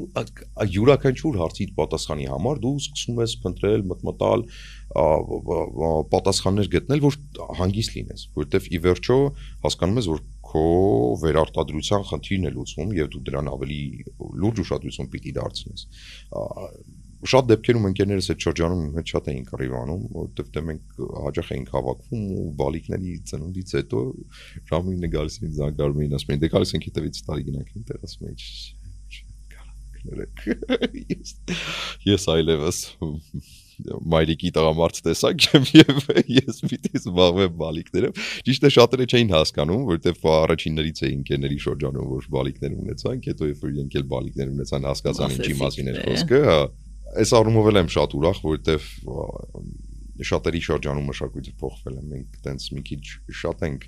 դեմոնիզացնում շատ դեպքերում հայ տղամարդու մոտեցումը վերաբերմունքը դասերակցությանը բալիկների խնամքին եւ այլն, բայց դա այդքան էլ այդպես չի։ Հա, կարող է շրջապատում ասեն դե նա կին նետոնա ինքն էլ զբաղվում, բայց այդպես չէ։ են գնում տուն ու չէ։ գնում մտնում ատուն, հələ տեսեք դե ոնց է ասում, Հալում։ եւ պամպերս փողում եւ չգիտեմ լողացնում բալիկներին օգնում բոլոր հարցերում հետեւապես մի բան է ինչ որ դու ներկայացնում մի բան է ես օրինակ դրա մասին բացահայտ եմ ասել էլի բացահայտ ասել եմ որ դեմ շաուրմայի պես եմ արդեն պամպերս փոխում այդքան պրոֆեսիոնալ եմ ժողովրդակ սովորացնել մի արագ ստացի հետեւապես այդ մշակույթը փոխվում է սա բաց աշխարհի բաց աշխարհի բաց լինելու արդյունքն է ժամանակին տեսեք ես էլ ծնողների մայրերի դաստիարակության հարցեր մեր մայրերը ժամանակին այդ պատասխանատվությունը իրենց ամուսինների վրայից վերցրել են եւ ամբողջությամբ թողել են իրենց վրա դրա համար թե հայրերն են իրենց հերթին ցույց են տվել որ դե դուք ինչ գործ ունեք էլի կինա պիտի անի ոչ կին կինան ռեսուրս է որ այս պետությանը գուցե ավելի շատ է որոշ դեպքերում պետք քան տղամարդու ռեսուրսը Իմ կնոջը ունիկալ խոստովանություններ, որտեղ ես էլ եմ սրա կողմից։ Ես իմ կնոջը երբեք չեմ ծանրաբեռնում իմ համար հաց սարք, որովհետև ասում եմ ձեռու ոչ չունեմ, ես իմ համար հաց սարքեմ ընկերներ։ Ասենք ինչ, իմ կինը պետք է այդ երկու ձուն դնի, որ եփի կամ չգիտեմ ինչ որ բան կտրի իրար վրա լցնի, որ Հիմա կարող է մեր ոդքասթի տակ hate speech լցվի, որովհետև ասում են իմ համար սովորական է դա։ Հա, իմ համար չէ, միջ վախենալու է, բայց ստեղ ճշտենք։ Ա, Ակտիվ papaները, ովքեր ակտիվ ներգրաված են երեխաների դասիրակության, իրենց պահելու, ամենօրյա խնամքի, ման տալու, քնածնելու, լողացնելու մեջ համարվում են ներողություն բառիս համար ղզիկներ։ Եվ այն papaները, որոնք կամ դա չեն անում, կամ ոնց դուք ասիք անում են, բայց չեն ուզում ցույց տալ, ասում են հո դու ղզիկ չես, ինչ ես կնոջ գործ անում։ Հիմա պարոնայք։ Ես ղզիկ եմ։ Երբ որ ինչ որ մեկնաբանություն գրելիս կլինեք, ինքներդ դες հարցրեք, որքան է այս բառը առնչվում իմ հետ։ Եվ մյուս papaները, ովքեր որ Եվ հոգ են մյուս տանում պապաները էլի փոփոխվում է հավատացեք։ Դուք 20 տարի առաջ չէիք տեսնի Երևանի փողոցներում այո։ այդքան Ես ուզում եմ ովքեր շնորհիվ նաև ձեր սերնդի papaների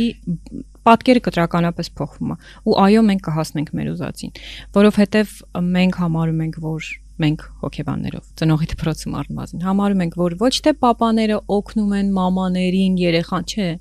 հավասար ու մամաները նույն պատասխանատվություն ունեն նույն երեխաների հանդեպ։ Մաման չի բերել լույս աշխարհ ու հիմա խնդրում է papayin, որ լավ էլի ինձ կօգնես։ Մաման բերելուց այդ լույս աշխարհը երեխաներին հավասարաչափ papayin ասելա տես երեխա ենք ունենում կամ իրար հետ կամ Դե կակտե ես հավասարաչափ մենակ չի իրականում կինա ֆորա ունի արդեն այդ Դե հա, այդ այդ մեկում չենք կարող մեզ գերազանցել։ Զուտ հաշվի առնելով են, որ դե ես էս 9 ամիս տանջվեցի տարապեցի տղա ջան, հիմա դու Սա չեմ ասում, որ գիտեք ինչ տղամարդը պիտի լինի, ես չէ, այդպես չի, օրինակ ես ու կինս կոնսենսուս ունենք այդ մասում։ Լավ, ամուսնանալու ժամանակ չէիր մտածում, որ սրան պիտի հասնեիր, այդ գիտակցում էլ ախր մենք տեսեք մենք բալիկների դաստիարակության մասին ենք խոսում, բայց մենք ընտանեկան դաստիարակության հարցեր ունենք մեր հասարակության շրջանում։ Շատերը ամուսնանում են, ամուսնանում են եւ չեն հասկանում այդ ինչ է։ Նախ ընտանիք ձևավորել ինքնին արդեն պատասխանատվություն, որ մնաց դրանից հետո բալիկ ունեն։ Ահռելի պատասխանատվությունը։ Եվ հետեւապես ինքները ձեր մեջ խոստովան եք դուք պատրաստ եք գնալ դրան։ Դրա համար ասում եմ ասես սերունդը պիտի փոփոխության ենթարկվի։ Արդեն սկսվել է, բայց Իմ օրինակ արտերկիր գնալ, հետ վերադառնալը ահագին փոփոխություն է բերել ինձ համար։ Օրինակ Գերմանիայում աշխատելուս ժամանակահատվածում այդ երեխայի պաշտության ա, մի մասով օրինակ բերեմ իմ մակեդոնացի գործընկերոջ հետ սրճարանում նստած ենք ու հենց ճանապարհի եզրին է երկու պապիկ են նստած գերմանացի իրենց համար գերմանական գարաժում են դանդաղում 3 տարեկան բալիկ էս ճանապարհը դուրս գալիս է դառնում ճանապարհը դուրս գալիս է դառնում մենք եւ մակեդոնացիները մշակույթով շատ նման ենք իրար էլ տակ երկրների մարդիկ իրար շատ նման են մշակույթով ուրեմն մենք այդ մի բաժակցով չէ դա այդպես էլ Հարամեղա։ որտեվ ես ու այդ գործընկերը ասած այդ երեխայի հետ գնում ենք ճանապարհ հետ գալ- գնում ենք պապիկներին դա քիչ էր հուզում, որովհետև ու այդ բալիկը ընկնում էր, վեր էր կենում, թափ էր տալիս իրան, այլ տեղեր էր գնում, ծառի հետ էր խաղում, չգիտեմ, այլ մարդկանց հետ էր շփվում։ Այդ մարդիկ վտանգ չէին տեսնում ամեն ինչի մեջ, ինչպես մենք էինք տեսնում, ինչպես մենք ենք տեսնում անդադար ամեն ինչ։ Մեզ համար, մեր բալիկների համար յուրաքանչյուր բան արդեն վտանգավոր է։ պոտենցիալ։ Հա, ինչ որ չգիտեմ, օթից սկսած մինչև սնունդ պարտադիր պիտի վտանգ չէ ժողովուրդ, այդ այդպես Դավիթ, դուք ո՞ր տեսակն եք։ Այդ քծվող, փրկող, պաշտպանող, պարուրող մշտապես sense այդ բանը safety բանը, չէ՞, ասում են պա- պավության օղակը ստեղծող թե վստահող Այն որ թեկուզ լարված շունչը պահած, բայց ոչինչ, հեսա բորձորից կընկնի մի հատ կվերկանա։ Այ դուք որ որ տեսակի ծնող եք։ Ես բալիկներին վստահող ծնողների շարքին եմ իրենք պատկանում, որովհետև իրենք, չգիտեմ, զարմանալիորեն թե ոչ այնքան, իրենք իրենց բոլոր հնարավոր չափերը ճանաչում են ու ես ինչ որ բան չեմ պարտադրում։ Օրինակ իրենք գիտեն, որ անիմաստ է կախվել աստիճանի, չգիտեմ, ծայրից են կողմ, որտեվ դա վտանգավոր է։ Այսինքն ես խնդիր չունեմ անդադար աչքս բալիկներից վրա պահել, որտեվ հեսա մի բան տեղի կունենա։ Երևի աղջիկներ են, երևի ինչ որ ներքին զսպվածություն կա, երևի այդ Այն ինչ դուք ամեն օր փոխանցել եք։ Բաները անդադար չեն տեսնում։ Երևի նաև այն ինչ որ դուք ամեն օր ձեր օրինակով, ձեր խոսքու զրույցով, ձեր բացատրելով փոխանցել եք, հանգել ենք նրան, որ պետք չի րոպեն մեկ ասել՝ մի արա, մի կանգնես, կվառվես, մի արա, ստոպ, հերիքա։ Արի ես քեզ փրկեմ։ Եթե, չգիտեմ, տարածքում զենք զինամթերք չկա, սառը զենք, որ դրված է միտեղ ու ես չեմ անհանգստանալու ոչինչ չկա։ Օրինակ, տանը ոչինչ տեղի չի կարող ունենալ այգուն, որտեղ որ դու տեսնում ես մոտակա 100 մետր շարավողով ոչ մի մեքենա չի անցնում եւ որևէ վտանգավոր բան չկա։ Ինչ պարտադիր է անդադար բալիկիդ կողքը, բայց ինչ շունիկ է, ինչ է բալիկիդ անդադար թող վազի, ազատ զգա իրեն։ Առասարակ ազատությունը բալիկի համար անչափ կարևոր է այս տարիքից հասկանալ, էլի, որտեղ ես էլ կա էլի մենք շատ ենք կաղա, մենք ինքներս կաղապարված ենք սա գալիս է մեր վարդույթներից։ Մեր սեփական Հա, ու այդ մեր սեփական վախերը միշտ պրոյեկտում ենք այդ բալիկների վրա ու կարծում ենք, որ այդ նույն գաղապարվածությունն էլ ինքը պիտի ունենա, որ վայ վայ ոչինչ չէ։ Համարցակ է պետք լինել ու այդ համարցակությունը աղջիկներս աղագին ունեն, իրենք այդ ամենօրյա առօրյական վախերով չեն տարապում, էլի հա անհանգստանալու իհարկե հարցեր կան, որ պիտի օրինակ անդադար ասես, որ դու չես կարող ուղակի միայնակ 5 տարեկանում վեր կենաս, փողոց անցնես, գնաս միայնակ մանկապարտեզ հասնես ու բացատրես ինչ, ոչ թե ասես ուղակի չես կարող։ Որտեղ ես տենց ասեցի։ Մեծ հարց կմնա, իսկ ինչու չեմ կարող բացատրես։ Բայց ձերոնք որ հաստատ սովոր են, միջև չբացատրեք ինձ թվում արդեն։ Իսկ մենացածի պարագայում կրկին գալիս է շփման հարցը, չենք շփվում մենք մեր բալիկների հետ իսկ բալիկների համար ամենակարևորը շփումն է, եթե դες տարիքում չշփվեցիր, հետո քո հետ չի շփվելու։ Հետո քո գլխին ես տալու, ասել ես բախի բալիկս հետ չի շփվում։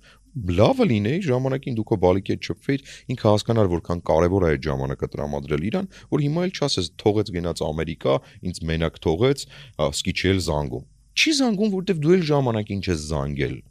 կոպիտ ասած զանգել էլի, որովհետև այս դեպքում զանգել զրուցել, ժամանակ անցկացրել, զբաղվել բալիկի հետ։ Չեմ կարող այս հարցը ձեզ չտալ, Դավիթ ջան, ձեզ իմինը որպես մարդ, հենց որպես մարդ, ով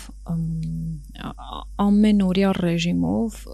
ծավալներով, ահռելի ծավալներով վերլուծություններ է անում երկրի վիճակի, երկրի ապագայի, չեմ վախեն անգամ աշխարհի ապագայի մասով։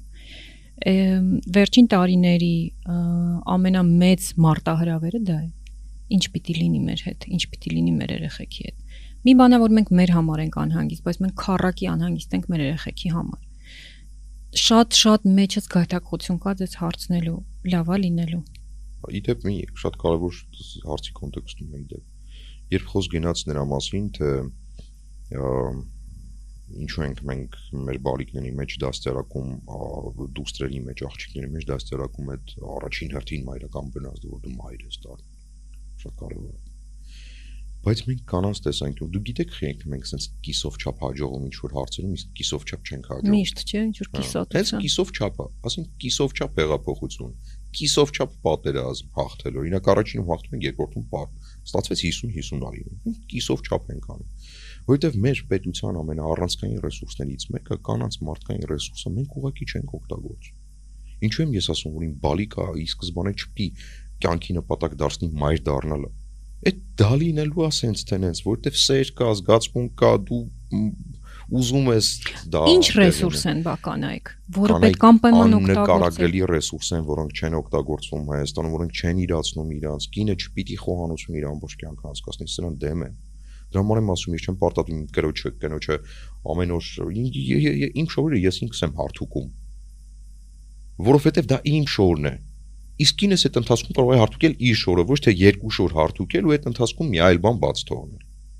Իմ կինը հիմա ավելի շատ գումար է աշխատում, քան ես։ Ավելի շատ հարկ է վճարում Հայաստանի Հանրապետությանը, քան ես եմ վճարում։ Հիմա իմ կինը որպես քաղաքացի ավելի կարևոր չի, քան ես։ Որտեվ ամեն ինչ նախ եւ առաջ քաղաքացու պարագայում գնահատվում է հարկով։ Որքան լավն ես դու որպես քաղաքացի, ինչքան նախաձեռնող ես ու որքան ես աջակցում քո պետության։ Հիմա պատկերացրեք իմ կնոջ պես մի միլիոն կին լինի Հայաստանում։ Հայաստանի հնան կրկնապատկի կդառնա ոչ թե 13 միլիարդ, այլ 26։ Հիմա մենք այդ մարդկանց ռեսուրսը չենք օգտագործում, ասում ենք ինչ է լինելու հետ։ Եթե մեր կանանց ռեսուրսը ներդրվի պետական համակարգում, մենք նրանց զարգացման, ինքնազարգացման հնարավորություն, դե շատ կարևոր մի բան կա, ես իմ սեփական կյանքի փորձով եմ ասում։ Կնոջ աննշան հնարավորություն է տալիս ազատ կարիերա ձևավորելու, այնպես է թռիչք իրականացնում, ասում եմ, չի պատկերացնում այսքան լավ Դրանից սկսում ես լավ զգալ, ինչու ոչ։ Վերջին տարիներին նկատում եմ, որ շատ հաջողակ ձեռնարկություններ, հիմնարկներ, շատ հետապնդող, չհետապնդող էական չի։ Ղեկավարության մեջ 1 տղամարդ կա, մաքսիմում 2, տակը, բուրգը բոլորը կանայք են։ Առաջ այդպես չէր կանանց դերը իսկապես մեծացել է, ինչի համար ես ուրախ եմ։ Ամուսինս բժիշկ է, իր գոլեգա չասեմ, իր մեծագույն ուսուցիչներից մեկը, շվեյցարացի մի պապիկ, այնպիսի դեմք, որի որ իմանում են նա տարին երկու անգամ գալիս է Հայաստան, ամբողջ աշխարհի մյուս օրթոպեդ տրավմատոլոգները լացում են, ոնց ասում եմ, մենք տարիներով խնդրում ենք, մեր երկիր չի գալիս, ում զարգացած երկրն է։ Ինչև այդ մարդը սիրել է, գիտեք, տենց ոնց լինում է, չէ՞, միշտ Հայաստան գալիս են, սիրահարվում, հետո ամեն տարի գալիս։ Գալիս է բարթակույն վիրահատություններ են անում եւ այլն։ Այս մարդը մի օր ասաց մեր տանը հյուրեր ընտրում էինք, ասաց տվեք կանանց կրթություն, տվեք նրանց ձեռը լծակներ եւ իրենք կփրկեն աշխարհը ու ես սենց այսինքն եթե անգամ Շվեյցարիայում են եկել հասել նրան, որ ահրելի բան կախված է կանանց, ման նրանց նման աշխատասեր, նրանց նման տատիկս ասում էր տիտիկ տիտիկանող, այսինքն համբերատար տեղը նստած համառ առաջ գնացող, նաև պարկեշտ, նաև բարի, նաև ինչ որ տենց այդ բարի նպատակներով մարդիկ, միայն իրենք են տղամարդիկ այդպեսին չեն համենայն դեպս այդ շվեյցարացուն հիշեցի հիմա որ ասեցիք անա մարգարետ թետչերը պատերազմ հայտարարեց Արգենտինային Ֆոլկլենդյան կղզիների համար եթե նրա փոխարեն լինել որևէ տղամարդ վստահ եմ որ նման բան տեղի չէր ունենա բայց դուք լավ օրինակ չբերեցիք դուրս եկավ կանանց ես միշտ ասեմ կանանց հույսը այնա որ պատերազմներ քիչ կլինեն եթե կանայք լինեն կառավարման համակարգում, պատերազմները ավելի քիչ կլինեն հավատացեք։ Որովհետև ախր էլ քաղաքականության մեջ մեն մոտ շատ որոշ անհատների պատճառով կանանց ներկայությունը քաղաքական համակարգում ավելի շատ լղոզվում եւ ավելի բացասական երանգաստանում բայց օրինակ լավ շատ հեռուն էլ չգնամ մինչև Մերկելի Մերկելի հերացումից հետո Մերկելի հրաժարականից հետո Գերմանիան այլևս առաջին ջութակը չէ Եվրոպայում Ինչու, որովհետև հնարավոր չի շեղել կանանց։ Եթե մի մի մի գից կա, որոնք մի մի նպատակ կա, որին ինքը գնում, չես կարող շեղել ուղակի։ Ինչ ուզում ես արա, չի շեղվելու, եթե մախինան, եթե մեքենան միացել է այդ ճանապարհին գնալու, ինչ ուզում ես արա, չի շեղվելու մարդ։ Եվ հենց այդ համառությունն է, որ մեզանում հիմա պակասում։ Մենք ունենք տղամարդ ղեկավարներ, որոնք ասում են, ես գնում եմ այս ճանապարհով, մի տարվա ընթացքում 3 անգամ բան է փոխվում։ Կնոջ մոտ այդպես չի լինում Եթե անգամ ինքը հասկանա, որ ինքը այն արդյունքը չի ստանալու այդ նպատակին հաս, ինքը միևնույն է գնա դրան։ Նախ ինքն իրեն ապացուցելու համար, որ ինքը կարող է, հետո մյուսներին ապացուցելու համար, որ ինքը կարողացավ։ Դրա համար եմ ասում, այդ դրա համար այդ տեսեք ամենասկզբում երբ որ ասեցի բալիկներ, տիկնիկներ եւ այլն եւ այլն, ես չեմ ուզում, որ մի մոդել դրվի աղջիկների մեջ ու այդ մի մոդելով առաջնորդվեն, որ մայր դառնալը պետք մաքուր տուն ունենալ եւ համեղ սնունդ տղամարդուն տալ էլի բայց մտավոր ռեսուրսը դա ֆիզիկական ռեսուրս չի կինը լավ էլի ոնց է բանը լինի չէ սենց սենց մենք ստեղ կանանցով կամերայից կողմում բոլորը Հա ինձ գուցե իմ ուզում եի ասի իմ գործընկեր տղամարդիկ տղամարդիկ կարող է մեղադրեն ասեն շատ էս նշանակություն տալի չէ ժողովուրդ ջան շատ նշանակություն չեմ տալի ես ուզում եմ որ այս պետությունը իր բոլոր ռեսուրսները օգտագործի որ ոչ թե այդ ռեսուրսները օգտագործի կիսով չա իսկ կանայք կան նկարագրելի ռեսուրս է որոնք սպանվում են ճակերտներում ձեր խոհանոցներում ձեր տների ձեր նեղընտանեկան հարաբերությունների շրջանակներում սպանվում են այդ մարդիկ որպես անհատ, որպես ինդիվիդուում նրանք ոչնչանում են ուղղակի։ Եվ ինչ է վերջում այդ մայրիկը բալիկին խորհուրդ տալու, երբ որ այդ բալիկը ընտանիք կազմի։ Ասելու է ես դառնալու եմ քո համար այն կիսուր կամ չգիտեմ, դու կիս կես կեսրայրիդ հետ պիտի վարվես այնպես ինչպես ես եմ վարվել, որովհետև ես նրանից էի զզում են ինձ չէ, էլի դա էլ անառողջ չա։ Մարդ պիտի զբաղմունք ունենա, ես մի բան եմ հասկացել, եթե մարդը պարապ է մնում, դու այդ մարդուց ամեն ինչ կարող ես սպասել։ Զբաղված մարդն է, որ անդադար ինքնազարգացմամբ, ինքնակրթությամբ է զբաղվում եւ վերջում իրապես այդ անհատականությունը որպես այդպեսին ձևավորում ասեցիք, որ մասնագիտությունները սիրում եք շատ, խորանում եք, ուսումնասիրում եք, հետաքրքրվում եք մասնագիտություններով։ Շատ սիրուն ձևակերպեցիք այդ լայն հնարավորությունները տալ երեխեքին փորձարկելու, ուսումնասիրելու, իմանալու, ապանտրելու։ Կա մասնագիտություն, կան մասնագիտություններ, որոնք ըստ ձեզ ապագայում հիմա չէ։ Հələ պատկերացեք ձեր բարիկները երբ կդառնան 20 տարի հետո պիտի այդ մասնագիտությամբ զբաղվեն, որպեսզի լինեն հաջողակ, երջանիկ, անկախ, ֆինանսապես, տնտեսապես եւ այլն, որոնք կլինեն այդ մասնագիտությունները։ Սա հարցերի հարցն է բոլոր ծնողներիս համար ես ունեմ 17 տարեկան աղջիկ 10 տարեկան արդեն են 17-ին չգիտեմ են պանիկ այդ ահի մեջ մի կերպ ընտրել ենք ըստ որում այո մասնագետի օգնությամբ, մասնագիտական կողմնորոշման մասնագետի օգնությամբ ինչ իրեն հարմար կլինի, բայց այսօր ընտրել մասնագիտություն, որ 20 տարի հետո մեր երեխաներին պետք է գալու, դա ահավոր այն որ չասեմ բարդ անգամ անշնորհակալ աշխատանք է, բայց եւ այնպես հարցերի հարցն է, բա ինչ թողն։ Առաջ շատ հեշտ էր սովետի թվին Այստեղ ընդունվեիր, այս մասնագիտությունը, այսենց ապրելու էիր, տարին այսքան անգամ գնալու էիր հանգստանալ։ Այս մեկն ընտրեիր, այսենց էր լինելու, այսքան էիր աշխատել, չկա գոյություն չունի որում ամբողջ աշխարհում։ Կարող է դուք մտածել եք գուցե հիմիկվանից ինչ մասնագիտության կամ ինչ ուղղության կամ ինչ ոլորտի մեջ երեխեքը խորանան, որ իրանց համար հանգիստ լինեք։ Ես իհարկե հիմա կարող եմ խելացի բանալել արհեստական բանականություն, ավտոմատացված համակարգեր եւ այլն եւ այլն։ Այդ դրա կողքին կարող են լինել սեփական ցանկություններից, ես ինչ կարող եմ, ինչ եմ մաղթում, որ բալիկներս, ինչով եմ մաղթում, որ բալիկներս զբաղվեն եւ դա մեծամասամբ կապված է պետության, պետականության անկախության եւ այլնի հետ, այսինքն ռազմական տեխնոլոգիաներ, կիբեր ոլորտ, չգիտեմ, տեղեկատվական ավանդության տեխնոլոգիաներ, այն ինչ որ ինձ օրինակ հետաքրքրում, ես վստահ եմ, որ մեզ միշտ պետք է լինելու հա, տենց շատ հաճախ եմ ասում, հա, երբ որ առաջին հրթիռը պատրաստես, հայրիկի համար լուսնի տոմսը կառնես, բայց դա սխալ եմ համարում երևի։ Որտեվ ես զբաղվում նրանով, ինչ որ ինձ դուր է գալիս, եւ դա ինձ ավտոմատ գումար է բերում։ Այսինքն 15 14-15 տարեկանից աշխատում եմ։ Այս ամբողջ ընթացքում մի եզրահանգման եմ եկել, որ եթե զբաղվում ես նրանով ինչ որ քեզ իրապես դուր է գալի, ինքը քեզ ավտոմատ հարստացնում է։ Ավտոմատ դու էլ գումարի մասին չես էլ մտածում, ազնիվ եմ ասում։ Այն ինչով ես զբաղվում եմ հիմա, ի սկզբանե հիմքում չեմ դրել փող աշխատելը։ Ես ասել եմ չեմ ուզում այն շատ փողով, որտեվ ես զզվում եմ այդ աշխատանքից։ Իսկ այն ինչ որ ես հիմա անում եմ, ինձ ավտոմատ պահում է։ Որտեվ քեզ նայողն էլ է հասկանում որ դրանից հաճույք է ստանում։ Այդ քո հաճույք ստանալ ստանալուց ինքն էլ է սկսում հաճույք ստանալ։ Հետո քեզ սկսում է աջակցել, սկսում է քեզ օգնել, օգտակար լինել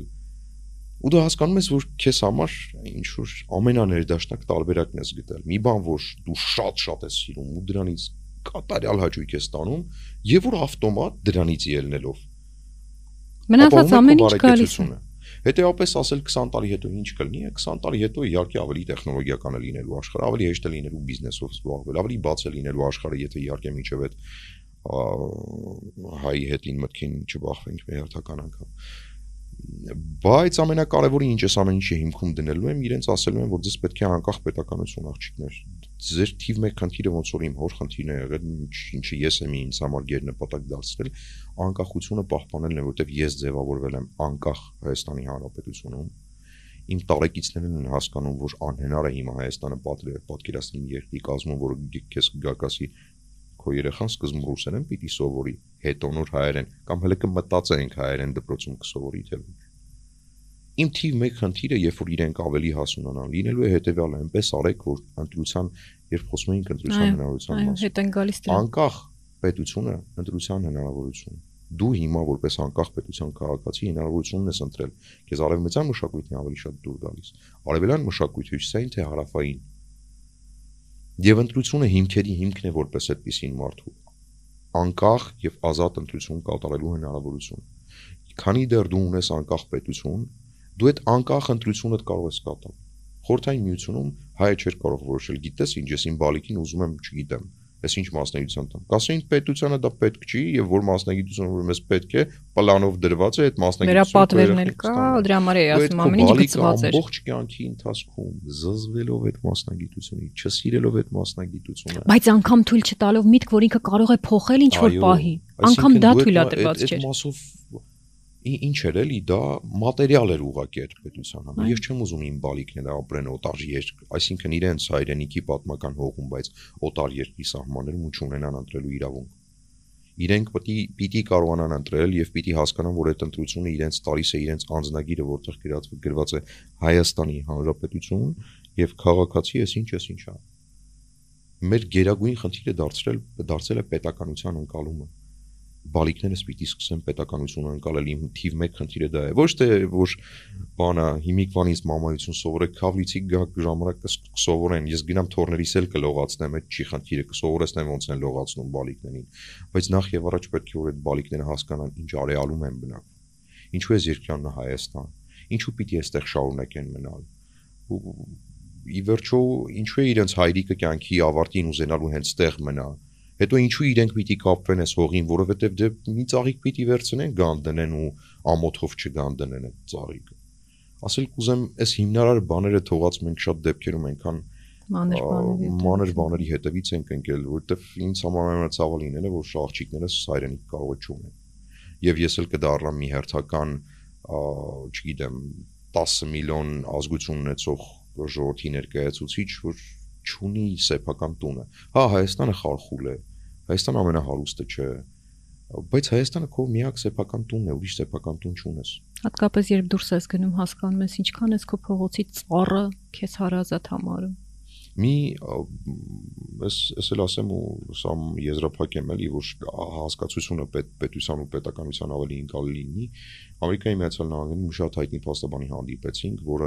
ԱՄՆ-ի փոխնախագահներից մեկի փաստաբանն է մինչ օրս, նախկին փոխնախագահելուց, բայց շարունակում է փաստաբանը մնալ, դե մեզ պետք է ինչ-որ հանդիպում կազմակերպել կոնգրեսականներից, հանրապետական կոնգրեսականներից ինչ-որ մեկի հետ։ Խոսեցինք, խոսեցինք, խոսեցինք, տեղում զանգարեց այդ երկու կոնգրեսականներին, մարդիկ կան, որ ուզում են ձեր հետ հանդիպեն դու գիտես մենք քեզ ինչքան ենք պարտք մենք պարտադիր կհանդիպենք ձեռախոսը դրեց ասի մի հարց տանում երբեք Հայաստանում չէր եղել եթե չեմ սխալվում այդ մարդ ասի հիմա պատկերացրեք որ Հայաստանի Հանրապետություն որպես անկախ պետականություն այլևս վաղը չկա արտացել չկա Հայաստանի Հանրապետություն ասում վերաբերմունքը ձեր նկատմամբ նույնպեսին կլիներ մտորեց մտորեց սարցին ոչ մեկ չէր տվել ես չէի մտածել դրա մասին բայց հաստատ ինձ էսպես չէին վերաբերվել ասում եմ ինչու որովհետև մեջքից պետություն չէր լինի Գուցե մեր անznագիրը աշխարհի ամենապատծակող անznագիրը չէ, բայց դա մերն է, ուրիշինը չէ։ Եվ ինքը անznագիրը։ Եվ ինքը անznագիրը։ Կտոր չէ։ Ծայրամասային ինչ որ վատ, խարխուլ, խրուշովկում, 5-րդ հարգում ծակված տանիքով տուն է, բայց քո տունն է, վարձով չես մնում։ Քո միակ տունն է։ Հետեւապես երբ ինչ է լինելու, լավ է լինելու, լավ է լինելու անկասկած որովհետև անկախության սերունդը ապացուցել է, որ ինքը վախեր չունի այլևս։ Այդ խորթային միության մարդը կարող էր վախեր ունենալ կենտրոնական իշխանություններից, բայց հիմա դուրս եկեք փողոց երիտասարդներին ասեք վախենում ես։ Ինչի՞ց։ Հաստատ KGB-ից կամ Մոսկվայի կենտրոնական չեկիստներից չեն վախենում, իրենք իմ կյանքը դժողքի չեն վերածել, իմ հարազատներին չեն տալել Սիբիրներում գնդակը արել։ Միշտեր իմ քերին ծնվել է Աքսորի մեջ օրինակ Հետևաբար քանի մենք պիտի անենք առավելագույնը որ բալիկների մեր բալիկների մեջ այդ վախը չմտնի իրենք հասկանան որ իրենք են այս տանտերը դրանից հետո ամեն ինչ լավ կլինի երկխնդիրը պետության պահպանություն Շնորհակալ եմ Ես եմ շնորհակալ Դավիթի հետ զրույցից այնինչ ես վերցրեցի ու ինչը ինձ իդեպ զարմացրեց այն է որ երբ ասում ենք երեխային տալիս ենք ընտրություն այդ ընտրությունը հաճախ կեղծ է եթե խոսքը միայն երկու բանի մասին է ընտրությունը հա իսկ քնել թե ուտել իսկ երբ տալիս ենք լայն ընտրություն ըստ որում նախապես որպես ծնող այդտեղից զտել հանել մաքրելով ամենավատը վտանգավորը կեղտոտը եւ հետո սեղանին դնել ինչպես նա ասաց այդ լավերի բազմազանությունը ապա երեխան վստահաբար հատկապես հետևելով իր ծնողների օրինակին կկատարի ճիշտ ընտրություն այդ ընտրությունից է կծնվի միայն լավը։ Անհնար է, որ այդ լայն ընտրություն պարագայում, երբ կա շատ-շատ լավ հնարավորություններ, ընտրվի վատը։ Իսկ ընտրության հնարավորություն մենք ունենանք, ինչպես Դավիթն ասաց, միայն եթե ունենանք պետություն եւ պետականություն։